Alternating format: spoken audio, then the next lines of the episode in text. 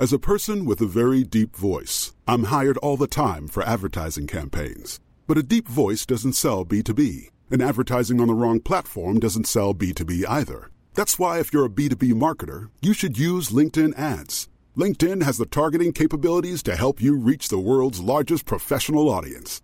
That's right, over 70 million decision makers all in one place. All the big wigs, then medium wigs, also small wigs who are on the path to becoming big wigs.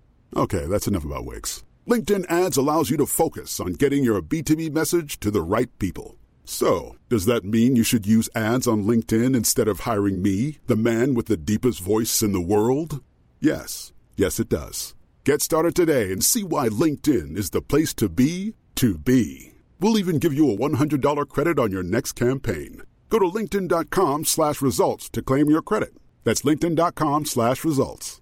Terms and conditions apply. Millions of people have lost weight with personalized plans from Noom, like Evan, who can't stand salads and still lost 50 pounds.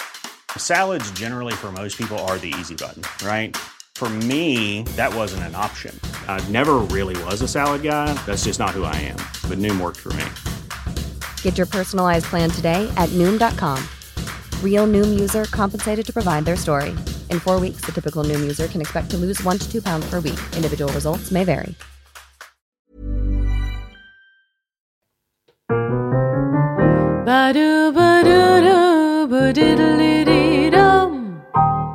Kära lyssnare, kollegor, älskare och vänner. Välkomna till veckans avsnitt av Burlesque-podden. Förhoppningsvis kanske en god vän i eten by now. Eh, jag heter Aurora Brännström och vi sitter som vanligt på Custom Music Productions här med Andreas Hedberg som sköter ljud och som redigerar. Den här gången så har jag en eh, dragshowartist här vid namn Admire Thunder Pussy. Och eh, hon har varit nominerad till QX-priset tre år faktiskt. Och jag är så himla glad att du är här, Admira. Välkommen.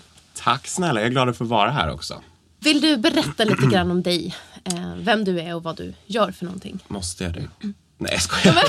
absolut. Hemskt gärna. Ja, absolut. Nej, men visst. Just nu, jag är 22 år gammal nu och jag började med dragandet på scen när jag var 17 under gymnasiet. Alltså du är så jävla ung. Jag vet och det sjuka är att folk tror att jag är mycket, mycket äldre hela tiden. Jag får Mm. ju alltid höra att "Nej, men du måste ju vara typ, det värsta jag hört är typ 35.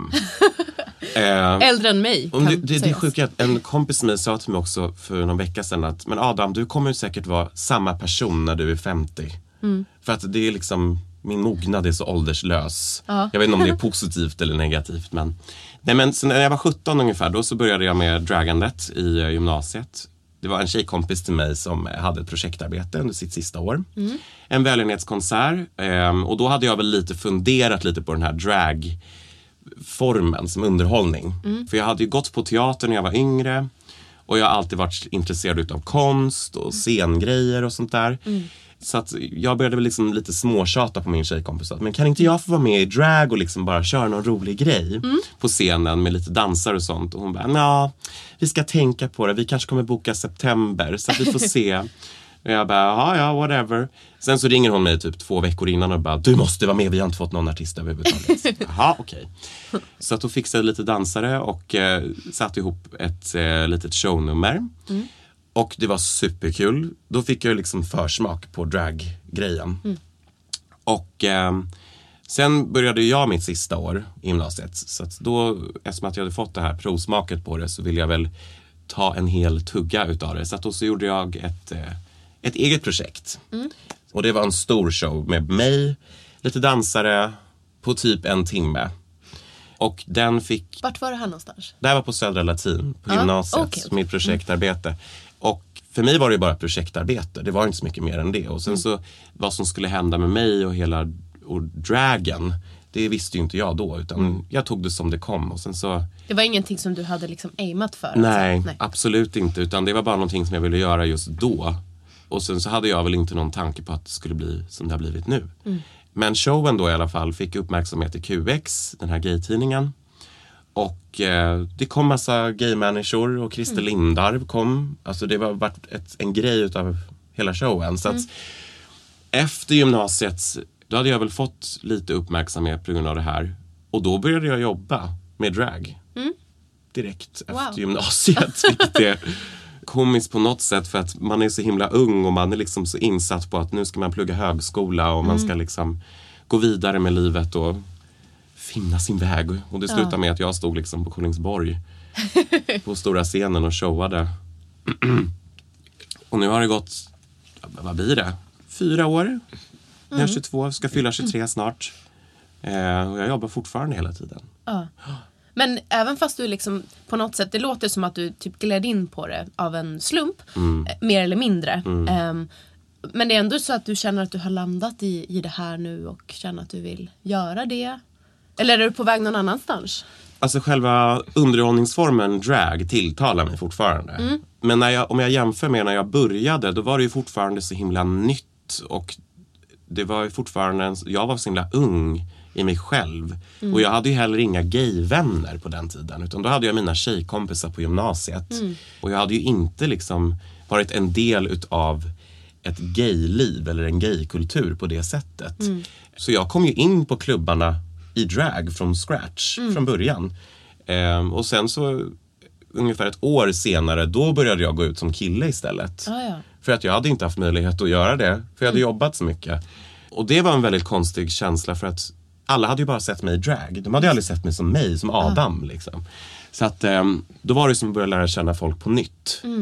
Så att eh, när jag väl vart en del och liksom skaffade mig lite mer gayvänner och kände mig mer, inte så mycket som klassens clown utan kanske mer som ja, men en del utav allting. Då vart eh, då vart jag mer bekväm också i, i att göra drag på något sätt. För då kände jag mig mer hemma i det. Ja, jag kan tänka mig det. Vilken liksom, förändrad men rollsituation för dig. Ja, och det var så kul också för att när man gick ut som kille och inte var i drag på klubbarna och då så gick jag omkring och hälsade på alla. Bara, hej hej, och gud vad kul att se dig. Men de fattade inte överhuvudtaget att det var jag. så att de trodde ju bara att jag var någon galning som gick omkring och hälsade på alla helt hysteriskt. Jättekonstigt. Men, Jävla självförtroende bara. Ja, liksom. verkligen. En confidence boost att gå från att alla bara Oh my god, can I take a picture? Till liksom, vem fan är du? Jätteskumt. Och när började folk förstå att du var samma person? Liksom? Alltså jag har fortfarande människor som inte fattar att det är jag.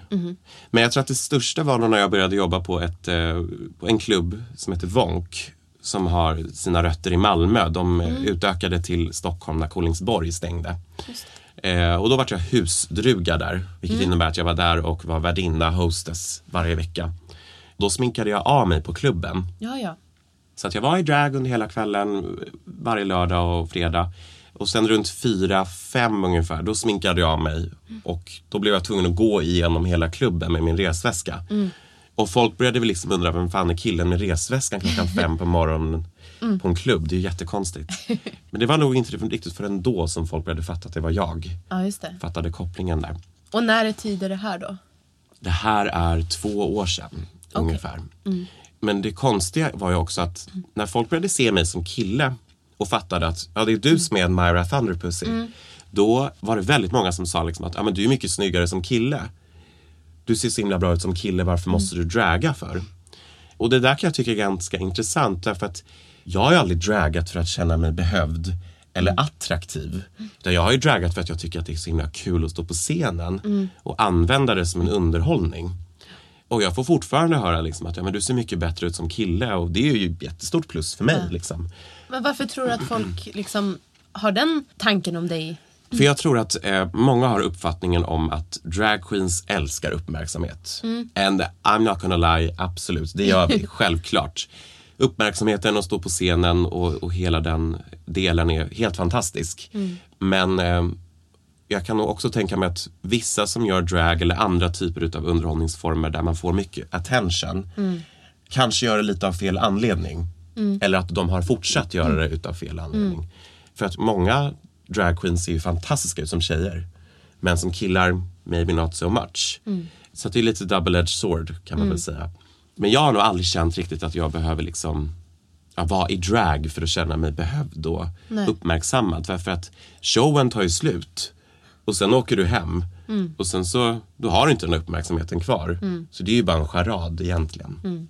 Men känner du att så här, Admira och Adam, är de liksom, har de mötts Eller är det två helt olika personer som du kan så här, switcha mellan? Men kan du ta fram Admira i ditt, vad ska man säga, ditt kill-jag? Och känner du dig annorlunda då? Nej, alltså jag har nog aldrig haft en karaktär. Eller jag tycker inte det. Jag tror att det kommer som en naturlig upplevelse. När jag sminkar mig och får på mig allting. Och jag har faktiskt tänkt på det lite grann att det är inte riktigt jag i mitt sätt som förändras. Jag blir inte en karaktär som är en helt annan person än vad jag är privat. Utan jag tror snarare att det handlar om att alla andra uppfattar mig på ett annat sätt när jag är i en annan utstyrsel. Eh, De förväntar sig en annan reaktion och de reagerar på ett helt annat sätt. Vilket är intressant därför att det är också en ganska tydlig markör på att hela dragformen det är bara en larvig charad at the end of the day. För att jag kan gå in i, eh, ja, i ett sammanhang, låt oss säga typ en privatfest med massa människor som minglar och dricker och det är en trevlig stämning. Om jag går in som kille, det är ju inte som att jag kommer få samma reaktion som om jag går in i det rummet i drag. Så att faktumet att man kan ändra och vrida på ett utseende så himla lätt och få en helt annan respons. Det visar ganska tydligt på att utseendet spelar stor roll at the end of the day. Utan det är bara en charad. Det är därför jag älskar drag också. Ja, men alltså det här tycker jag är jätteintressant. För det här är ändå någonting som jag har kommit in på med andra gäster som jag haft här i podden. Det här hur man leker med attribut och liksom på något sätt att, ja, men så normer för utseende, att man så här överdriver kvinnligt eller överdriver manligt. Och, att, och, och faktiskt är det flera som har sagt att så här, men jag gör det bara för kul. Det är ingenting som har med att jag och så, så här, mobbade i min barndom eller att jag måste ha mer uppmärksamhet. Utan att det är mer så här, det är kul, it's for joy och att ja, men så här, twista lite. Ja. Ja, och den roliga delen med det också är ju liksom folks reaktion. Det är ju den jag utnyttjar som mest. Och det som är så intressant också är när jag brukade jobba på klubb förut. Då började jag någonstans vid 11 på kvällen. Började mitt pass, eller vad man ska kalla det för. Och det var inte mycket folk då på klubben och de som var där var ju spiknyktra. Så att försöka mingla med dem då var ju ganska utmanande. Då måste man gå och ta baby steps om de inte är vana vid drag queens. Men det är oftast de personerna som var mest rädda eller kanske mest blyga för att prata med mig i början utav kvällen. Hur de som var helt galna sen när de var packade vid fyra och bara alla vi måste ta en bild. Så att det är, Men jag brukar säga det att jag förlöjligar det som män tycker är typiskt sexigt hos en kvinna rent utseendemässigt. Men jag förstärker det som jag tycker är starkt hos en kvinnokaraktär. Alltså mer i mitt sätt. ja men kan inte du beskriva, om det går att beskriva i ord, liksom, hur du ungefär ser ut när du går ut som din drag-persona på scen. För de som inte vet. Ja, ehm, jag är ju betydligt mycket längre. jag är typ 1,89 nu. Så att det mesta jag får höra är att oh my god vad du är lång. För du har också otroliga klackar då. Crazy high heels. Ehm, så att det, det mesta jag får höra är bara oh shit vad du är lång. Så jag är betydligt mycket längre. Sen har jag lite tagit den amerikanska draglooken och gjort den till min egna. Den är ju inte den här typiskt svenska after dark-looken. After dark har jag mer ett fokus på man ska se ut som en kvinna. Det ska vara den stilen. Medan jag vill vara mer utdragen, mer over the top, mer smink. The more the better. Liksom. Större hår, högre klackar. Alltså förlåt, men jag tycker lite att du ser ut som en Barbie-docka. alltså in a good way. Ja, ja, ja. Hey, I'm buying it. Absolut. Sure. Ja, det, det är verkligen en komplimang. För jag tycker att du, ehm, alltså Admira har ju en fantastisk look. Jag tycker ni ska googla på henne. För att se, alltså speciellt så här, dina ögon och dina läppar. Och sen så är det någonting du gör med, jag vet inte hur du får till den här shinen i ditt ansikte. Men den är... Svett. Är det svett? Nej men det Nej. måste ju vara att du har, ja, men så här, för det, det, är ju, det ser inte riktigt mänskligt ut tycker Ja, jag. men det, och det är det. Jag vill ju inte att det ska göra det Nej. heller. Utan jag vill ju att det ska se onaturligt ut. Och jag kommer ihåg i början så sa folk så här, men gud du kan ju inte liksom hålla på och ha för jag började ju med det här med contouring och highlighting, den här makeup-trenden som är så himla stor just nu. Mm. När jag började med drag, då höll jag ju på med det redan då. Men då var det så många som inte riktigt fattade det, för det hade inte Mm. blivit en grej än. Och folk var ifrågasatta och var liksom, "Va, varför har du brun skugga och liksom i ansiktet och varför Mm. gör du sådär och sådär och sådär. Medan nu så är det ju galet mycket tjejer, Mm. yngre tjejer som kommer fram och säger Oh my god, kan inte du sminka mig någon gång? Mm. Och jag säger bara direkt att ja, visst det kan jag göra men du kommer se helt galen ut om du har så här mycket smink. Eyeliner upp till tinningarna liksom. Men för mig har det alltid varit, ju mer smink desto bättre. Jag har en kompis till mig som, em, som var med i en dragshowgrupp eh, för några år sedan. Eh, och vi har jobbat jättemycket med varandra. Reine heter han. Han var med i Diamond Dogs förut. Och han har ju en väldigt lätt make. Alltså läppstift och typ en väldigt kvinnlig lätt drag make. Medan jag använder säkert tre gånger så mycket smink som honom. Ja. Men det funkar ju, det beror ju på vad man gör själv och vad man gillar. Ja men precis. Och jag tänker att, alltså, du får väl rätta mig om jag har fel, men, men just som du säger att du har tagit en amerikansk typ av dragstil hit. Du har ju också blivit någon slags role model faktiskt för flertalet dragartister i Sverige. För jag, jag börjar se det, att så här, det finns flera som har anammat typ dina ögon eller så här, den ja, shiny look. Ja. ja, ja, ja, absolut. Och det fattade inte jag i början när jag var liksom 17, 18, 19. Då körde jag ju bara på. Och folk ville att jag skulle göra det och jag var så himla glad över att få stå på scenen och bara göra min grej. Men det är inte riktigt förrän kanske runt när jag var 21 som jag började fatta att när jag kom ut i gaykretsarna då fanns det liksom inte riktigt någon frilansande club queen på det sättet som det finns nu. Nu finns det ju vissa klubbar och barer och ställen där de kanske hyr in en dragqueen för en kväll som får mingla lite och sånt. Det fanns det ju inte när jag började. Nej. Utan då var det mera ett dragklimat som bestod utav dragshowgrupper, någon enstaka äldre dragqueen, men inte så mycket folk i min ålder heller. Men det var ju också det som var så härligt för, att jag fick ju sånt som varmt välkomnande utav alla andra dragshowartister när jag kom. För att de tyckte att det var så uppfriskande att se någon, någon som gjorde sin egen grej lite mer. Jag menar, jag, jag ser fortfarande massa yngre personer som vill draga. Men också, det har ju lite att göra med att det har blivit lite mer mainstream nu. Det är inte mainstream än. Nej. Men det har växt väldigt mycket i gay-livet, alltså inom gay-sammanhang. Med RuPaul's Drag Race och, och allt det så har det ju blivit betydligt mycket större. Och givit mer plats till att göra drag. Även om jag kan känna ibland att dragandet i Sverige efter de här få åren som jag har gjort det.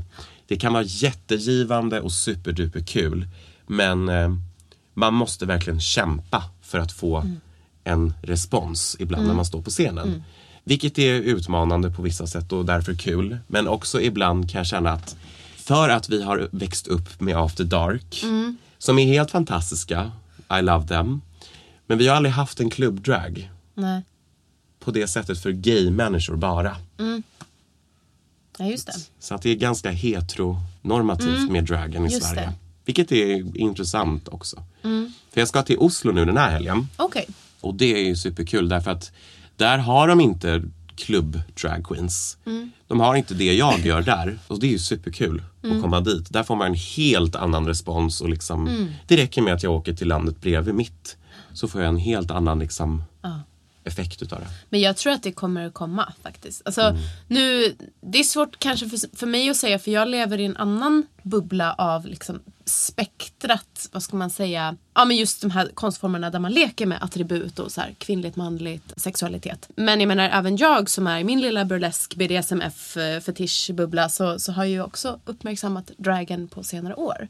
Och det känns som att ja, men det är också så här, vissa samarbeten nu mellan våra konstartsformer. Också att så här, burleskartister uppträder tillsammans med dragartister. Um, ja, jag, jag tänker på typ Café Opera. Där jag har sett att det är väldigt mycket corporations. Liksom. Och det är ju superkul också. Och nu har jag ju kört lite på Melt. eh, Just det. Där. Gud, alla mina gäster har typ varit där och jag har ju själv jobbat där. Ja men det är ju ganska självklart också. Det är ju ett burlesk, ett ställe för liksom burleskartister och cirkusartister och ja, men de här små bubblorna där de kan få utrymme. Och det är ju faktiskt ett av de få ställena där man kan komma in och göra saker helt själv på en scen och få uppmärksamheten på det sättet. För att utav alla ställen, alla länder som jag har showat i så har ju Amsterdam varit min absoluta favorit. Okej. För att där, de har ju ungefär samma, lika stor mängd människor där som de har här tror jag. Jag vet inte riktigt. Men de har ju en betydligt mycket, mycket större dragkultur. Och jag var där förra året på någonting som heter Milkshake. Som är en jättestor festival med ja, hbtq-inriktning. Och då hade de då någon slags drag-scen, om man ska kalla det för. Som en kille som heter Lady Galore, en dragqueen, eh, styrde ihop. Så att eh, hon hade ju då bokat dragqueens från varje land i Europa. Plus att de hade typ 40 stycken lokala dragqueens. Okej. Så det här var ju liksom en sju timmars lång dragshow. Wow. Som aldrig tog slut. Men det var så galet inspirerande. Att se så många dragqueens som gör fantastiska shownummer och gör allting på sitt egna sätt. Otroligt inspirerande. Det är ju sällan man får se det här på det sättet. Nej men precis. Men det är ju som du säger, alltså, Sverige är lite, kanske lite långsamma att förstå de här prylarna. Vad tänkte jag säga? Jo men just det här med kopplingen liksom drag, burlesk, fetischkonst om man säger så. Vad tror du är anledningen att det har på något sätt varit lite vattentäta skott emellan de här olika konstformerna? Jag tror att delvis därför att båda, eller alla de här olika underhållningsformerna är på något sätt provokativa. Såklart. Med just dragdelen, jag har ju själv inte så jättestor koll på burlesk. Nej, men du ser, det är ju så. Det är ju det som är så konstigt egentligen. Jag har jättemånga vänner som, som jobbar professionellt med burlesk och som jag har jobbat mycket med på Melt också. Men inom dragkulturen där, jag menar jag kan ju dra min eh, underhållningsform till lite alla olika håll också. Jag kan ju köra dragburlesk, jag har kört stand-up, jag kan sjunga, alltså jag kan göra mer em, och jag har inte heller så himla stor koll på vad mer man kan göra inom burlesken. Och det är ganska konstigt det där egentligen därför att vi är ändå nära varandra inom underground-kultur. Ja. Men ändå så kan vi inte så jättemycket om varandra. Nej. Vilket är konstigt egentligen. Och därför tycker jag det är superkul att du är här. För jag, det är så jag känner också. Att ehm, ja men vi ligger nära varandra men samtidigt så är vi, vi är olika. Liksom. Så det, det kanske beror på det. Att så här, är man burleskartist så måste man hålla så stenhårt på det. Att så här, ja, men då, på något sätt skjuter man dragen långt bort. Eller kan det kanske bero på att man kommer från olika communities? Alltså som du säger att det är så här ett ett gay community som, nu finns det ju många liksom gay personer inom burlesken också men vi kanske liksom inte först och främst är en del av gay communityt utan en del av någon annan liksom provokativ sexuell rörelse. Ja, absolut. Eh, och nu när vi pratar om det här kommer jag att tänka på Genderbender. Ja, För det är ju ett eh, slags show, det är ett koncept, det är en show som består utav eh, tre dragqueens, mig själv inklusive, och eh, två, stand, två, tre stand-up komiker och en burleskartist. Så då har vi liksom kombinerat de här tre olika underhållningsformerna. just det. Och vi gjorde fyra shower förra året och då byter vi alltid ut stand-up komikerna. Ja. Och nu, jag tror att det var inte senaste showen men showen innan, då bestämde vi oss för att vi skulle göra varandras grejer. Mm, spännande. Och det som är så intressant då var ju att jag då skulle göra stand-up helt plötsligt för första gången. Vilket också är lite, det har ju såklart blivit betydligt mycket mer mainstream på senaste. Men det har också kommit från en underground-kultur också. Men det var ju så otroligt läskigt att göra stand-up första gången. Fast det egentligen inte borde vara det. För att det är egentligen också bara en gren inom om Ja. den här underhållningen. Och en dragshowartist skulle då göra burlesk. Och han var också livrädd. Vilket är jätteironiskt också. Men jag menar, jag tänker på när jag var i London också. Där hade de ju också stora showkollektiv som bestod utav både drag queens och burleskartister, cirkusartister. Och det jag vet också nu inför Pride i Göteborg, då kommer de också blanda ihop det. Och ta in ja, men burlesk, drag och lite cirkus och sånt. Och jag tycker att det är uppfriskande att göra det på det sättet. Och framförallt viktigt därför att vi har ändå mot slutet av dagen ganska liten hängiven publik. Jag har det i alla fall. Jag har inte en stor fanbase som kommer på mina shower utan jag har ett antal människor som jag vet kan komma och kolla på mig när jag kör mina saker. Och det är det som är så underbart. Därför att jag tror jag inte känner någon som inte tycker om burlesk men som älskar drag eller vice versa. Utan det går ofta i samma hand. Ja, just det. Och det är väl lite så här, jag vill vara med och skapa också för jag, jag tänker att det, det är ju så. Alltså publiken är ju, det är klart att det kanske är olika personer men att vi, Millions of people have lost weight with personalized plans from Noom, Like Evan, who can't stand salads and still lost 50 pounds. Salads, generally, for most people, are the easy button, right? For me, that wasn't an option. I never really was a salad guy. That's just not who I am. But Noom worked for me. Get your personalized plan today at Noom.com. Real Noom user compensated to provide their story. In four weeks, the typical Noom user can expect to lose one to two pounds per week. Individual results may vary. Men det är kanske gen- generellt öppna personer som, som tycker om de här typen av konstformer. Du, jag vill fråga dig lite grann om det här med sexualiteten. För att Ja. vi är ändå en sexpodd. ja, ja. Jag har skrivit explicit på, Uh, ja, på poddbil. oh, exclusive. Ja, Exclusive.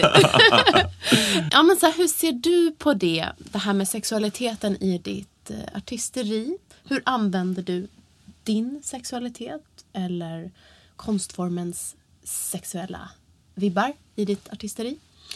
Ja, alltså, jag kan börja med att säga att jag har nog aldrig tyckt att jag ser attraktiv eller så bra ut på ett sexualiserat sätt i drag. Okej. Och det gör jag fortfarande inte. Medan jag konstant får höra bara wow, du ser ut, ja, men typ som du säger att jag ser ut som Barbie. Och det tycker jag är fantastiskt. I loves it. Men, men jag har aldrig liksom känt att eh, jag nyttjar liksom min sexualitet med min Nej. drag.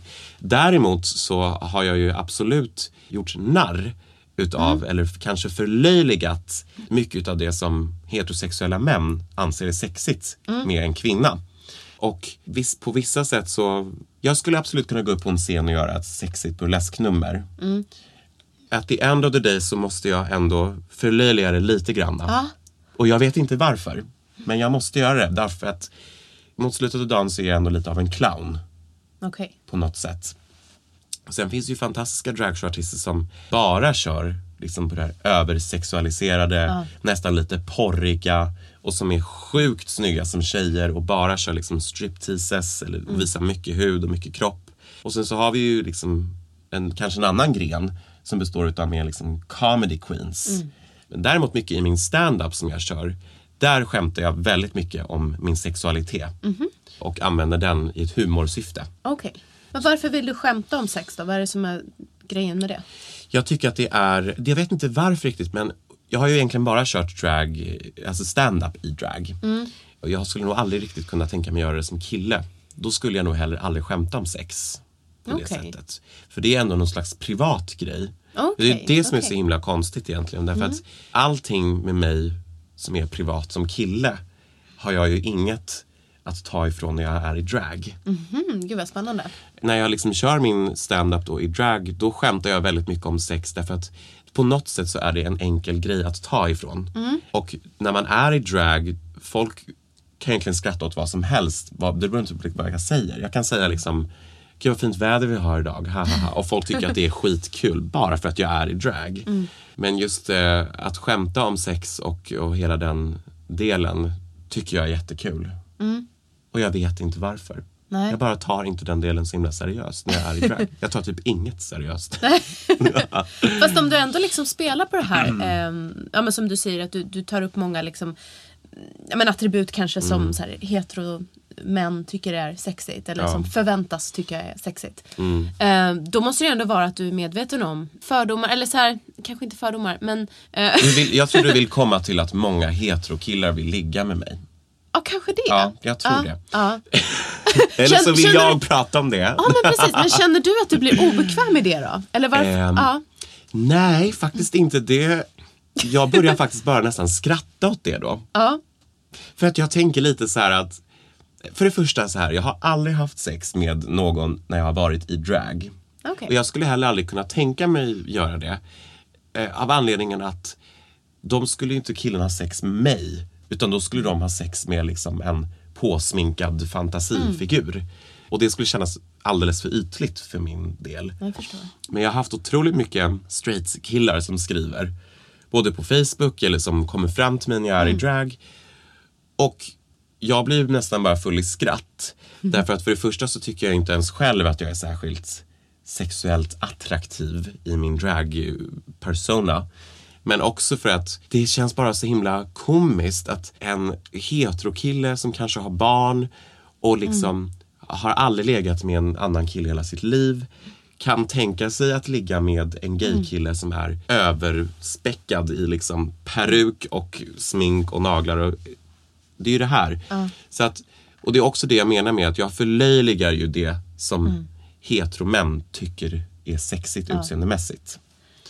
Det låter nästan som att de inte riktigt förstår att det är ett skämt. Nej, eller? nej, absolut inte. Mm. Och jag menar, det finns ju, jag menar, jag skulle aldrig kunna tänka mig att gå, typ, gå på dejt och jag är i drag. Nej. Alltså det skulle visst det skulle vara sjukt kul och jag skulle säkert skratta i hur mycket som helst. Mm. Ja. Men, men det skulle kännas otroligt onaturligt. Då blir det ju den här charaden igen. Ja.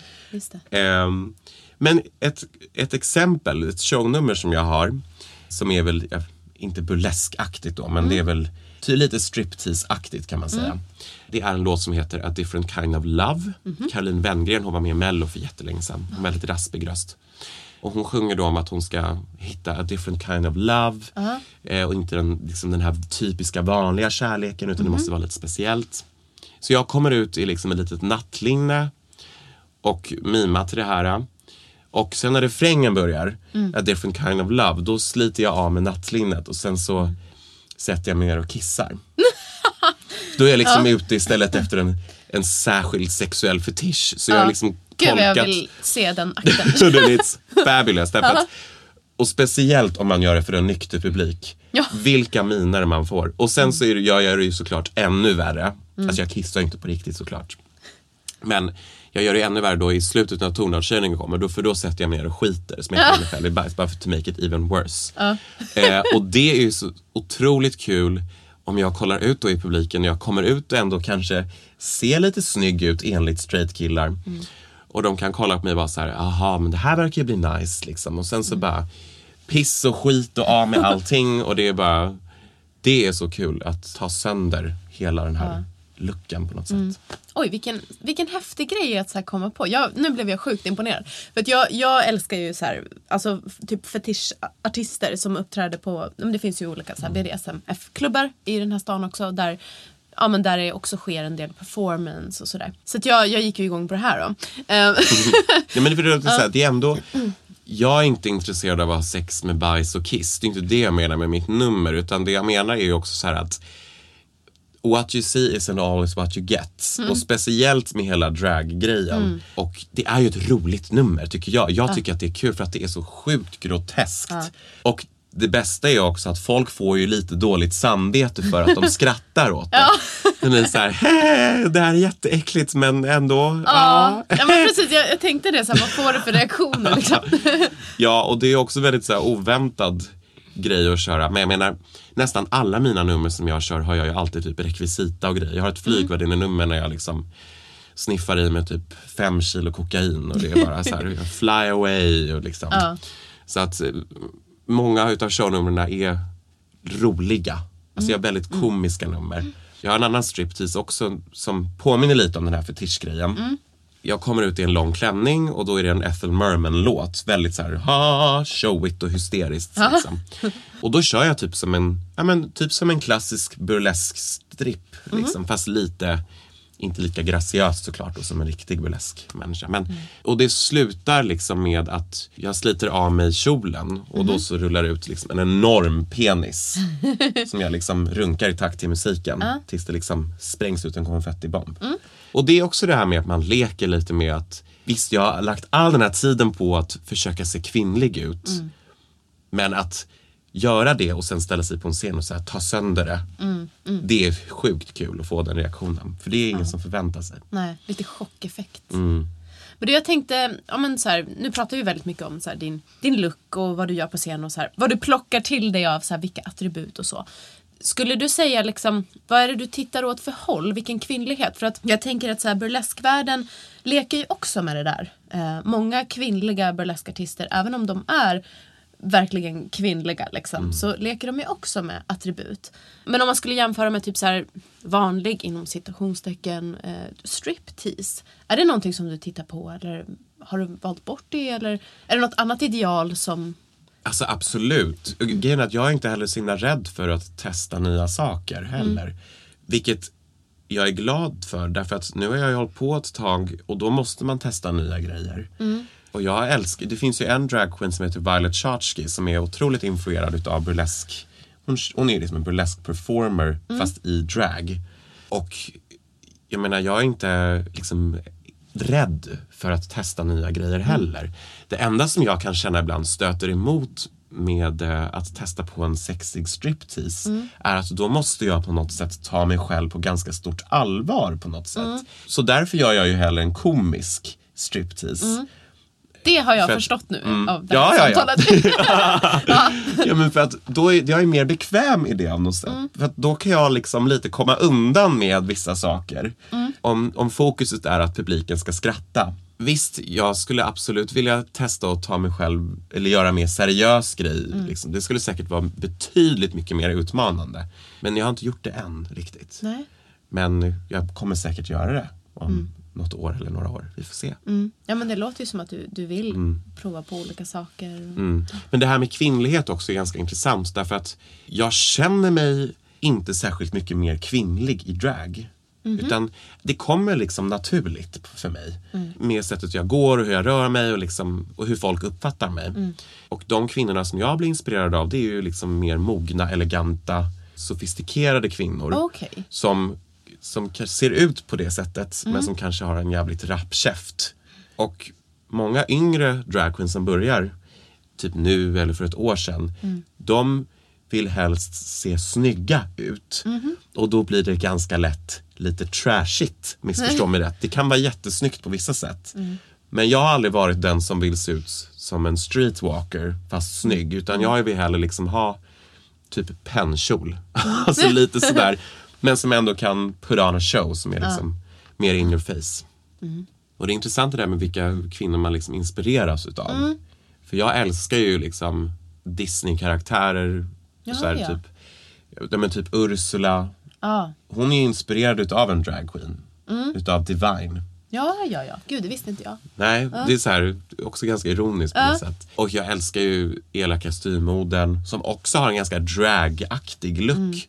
Man tänker på liksom alla liksom de här elaka kvinnorna i Disney. De har ganska, De är ju coolast. ja. Jag älskar Cruella Ja, jag skulle precis säga loves it. Det är ju en dragqueen. Det är ju det som är så kul. Alltså, och det är det som många inte tänker på. Att vi har ju jättemycket dragqueens Ja. i, som inte är killar också. Jag tänker på liksom så här Victoria Silvstedt. Ja, En sån här Dolly Parton. Det är ju personer som är i drag. just det. Men vi kallar dem inte för drag queens. Nej. Gud vad spännande. Mm. Ja. Så det är lite mer den typen av kvinnor alltså du Ja. tittar mycket på? Jag älskar ju liksom Meryl Streep i Devil Wears Prada. Alltså med Ja. såna här ehm, med sofistikerade kvinnor så. Dragformen är ju också det här med att alla är ju på något sätt i drag.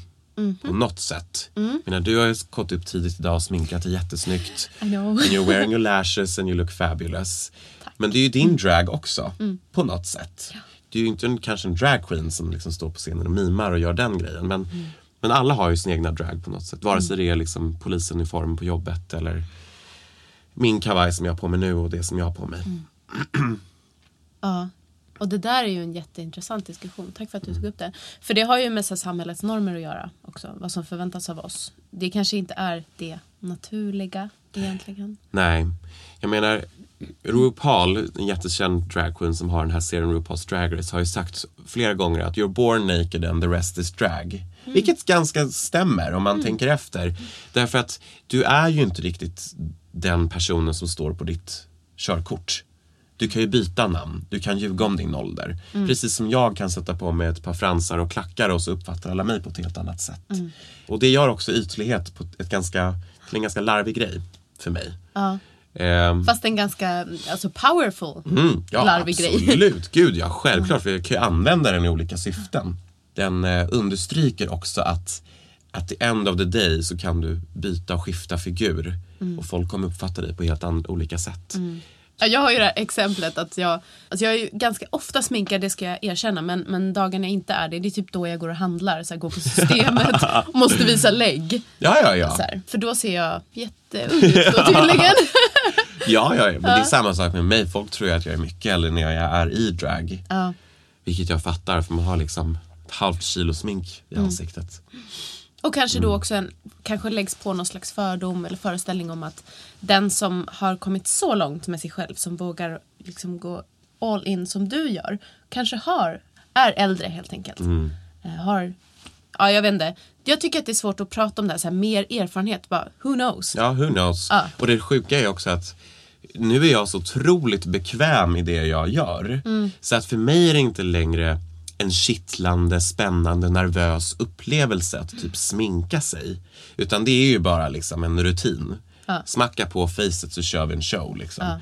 Så att fokuset nu har ju skiftat från det här pirriga, nervösa, gud vad spännande med drag, vad kul det ska bli att göra. Det har snarare gått till att, okej, nu är det här mitt företag, vad ska vi hitta på nu som är kul? Försöka liksom förnya sig själv. Eh, och många som börjar med drag, eller andra typer av konst och underhållningsformer inom, som är lite mindre. De börjar och de gör sin grej och sen så känner de att de inte kommer någonstans med det. Men de vågar inte testa nya grejer. Ja, jag älskar ju att testa nya saker. Det som är läskigt är underbart.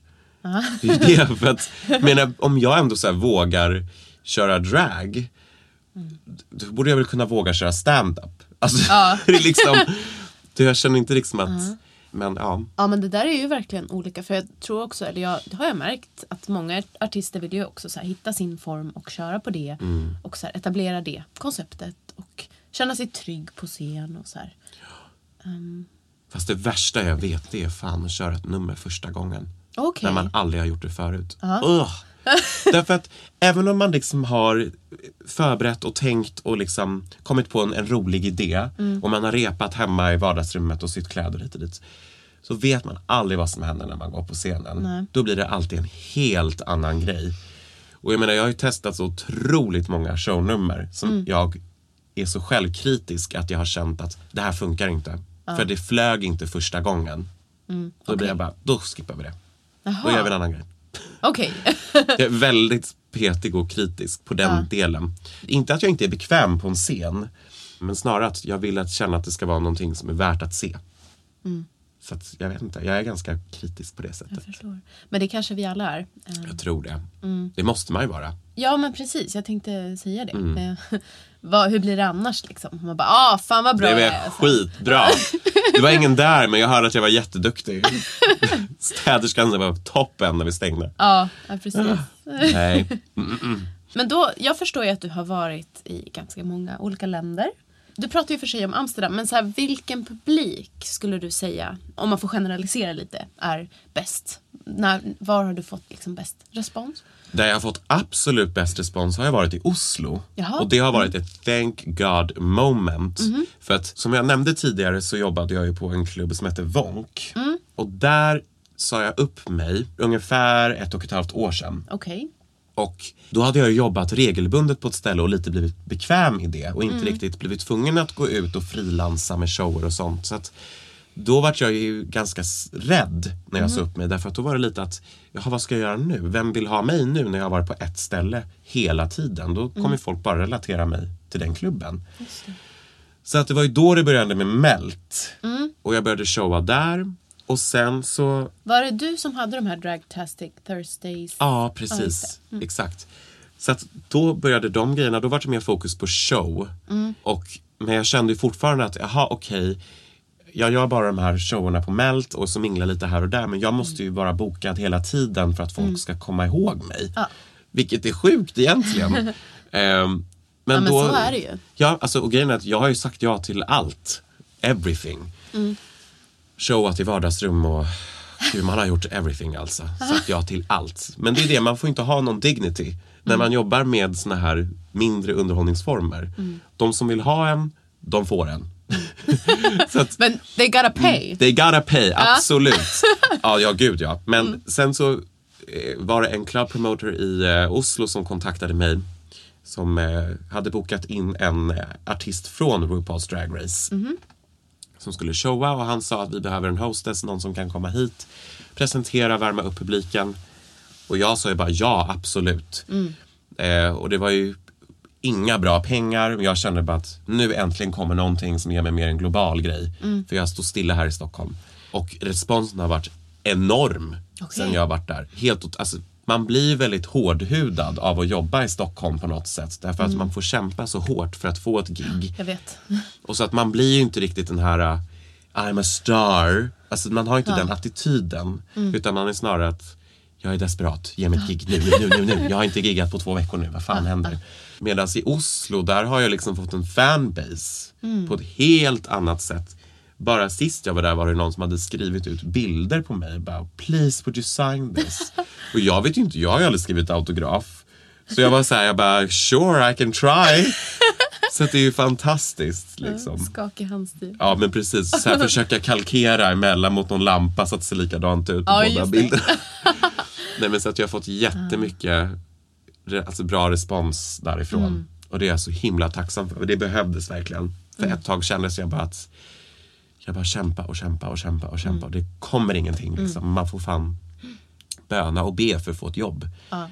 Ehm, Ja men Stockholm är ju, så förlåt mig kära Stockholm, men ni är kulturelitister som inte riktigt förstår det här faktiskt. Mm.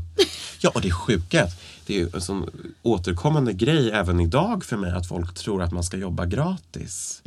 Att, nej men du kan väl bara komma förbi och köra, slänga ihop ett nummer. Liksom, du, du behöver bara typ en kvart på dig att sminka dig, eller hur? Man Bara, men nej, det är ändå en tjänst att det är ändå det som man gör. Och det är ju kanske inte just själva showen de betalar för heller. Nej. Det är ju all förberedelse och... Ja, det är ju mer fokus på förberedelse. Men att spendera tre timmar för att förbereda ett nummer på två minuter. Det är ju, ja. Visst är det så. Känner du att det är någonting som du skulle vilja lägga till nu när vi börjar avrunda? Nej, jag vet inte.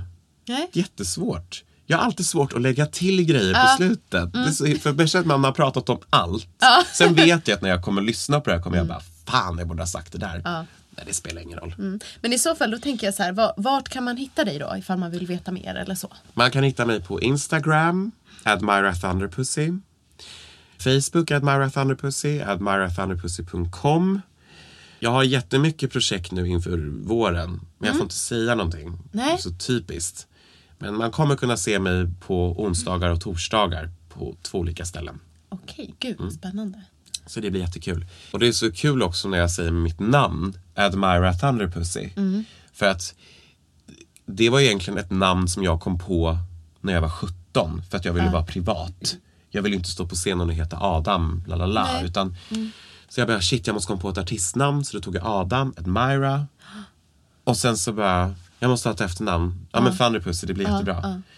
Men jag menar alla svenskar säger ju liksom Admira Thunderpussy och Admira låter ju som något billigt låskolvsföretag. typ. Lät, ja. Men vet du vad jag har tänkt hela tiden? Jag har tänkt att det är någon så här word twist på typ admire the thunder ja, pussy. exakt. och Det är ju det det är. Ja. That's right. yes! Ja, men gud alltså. Ja, det, är, det är ett intressant annorlunda namn. Men, men, Jag tycker det är fabulous. Tack så hemskt mycket för att du var här och, och babblade med mig. Lycka till framöver och boka, boka, boka Thunder Pussy. get me booked. Tack för att jag fick komma hit. Jo men tack. Vi hörs igen om en vecka. Burlesque-podden finns också på alla sociala medier. Custom Music Production står för ljud och redigering. Tack och hej då!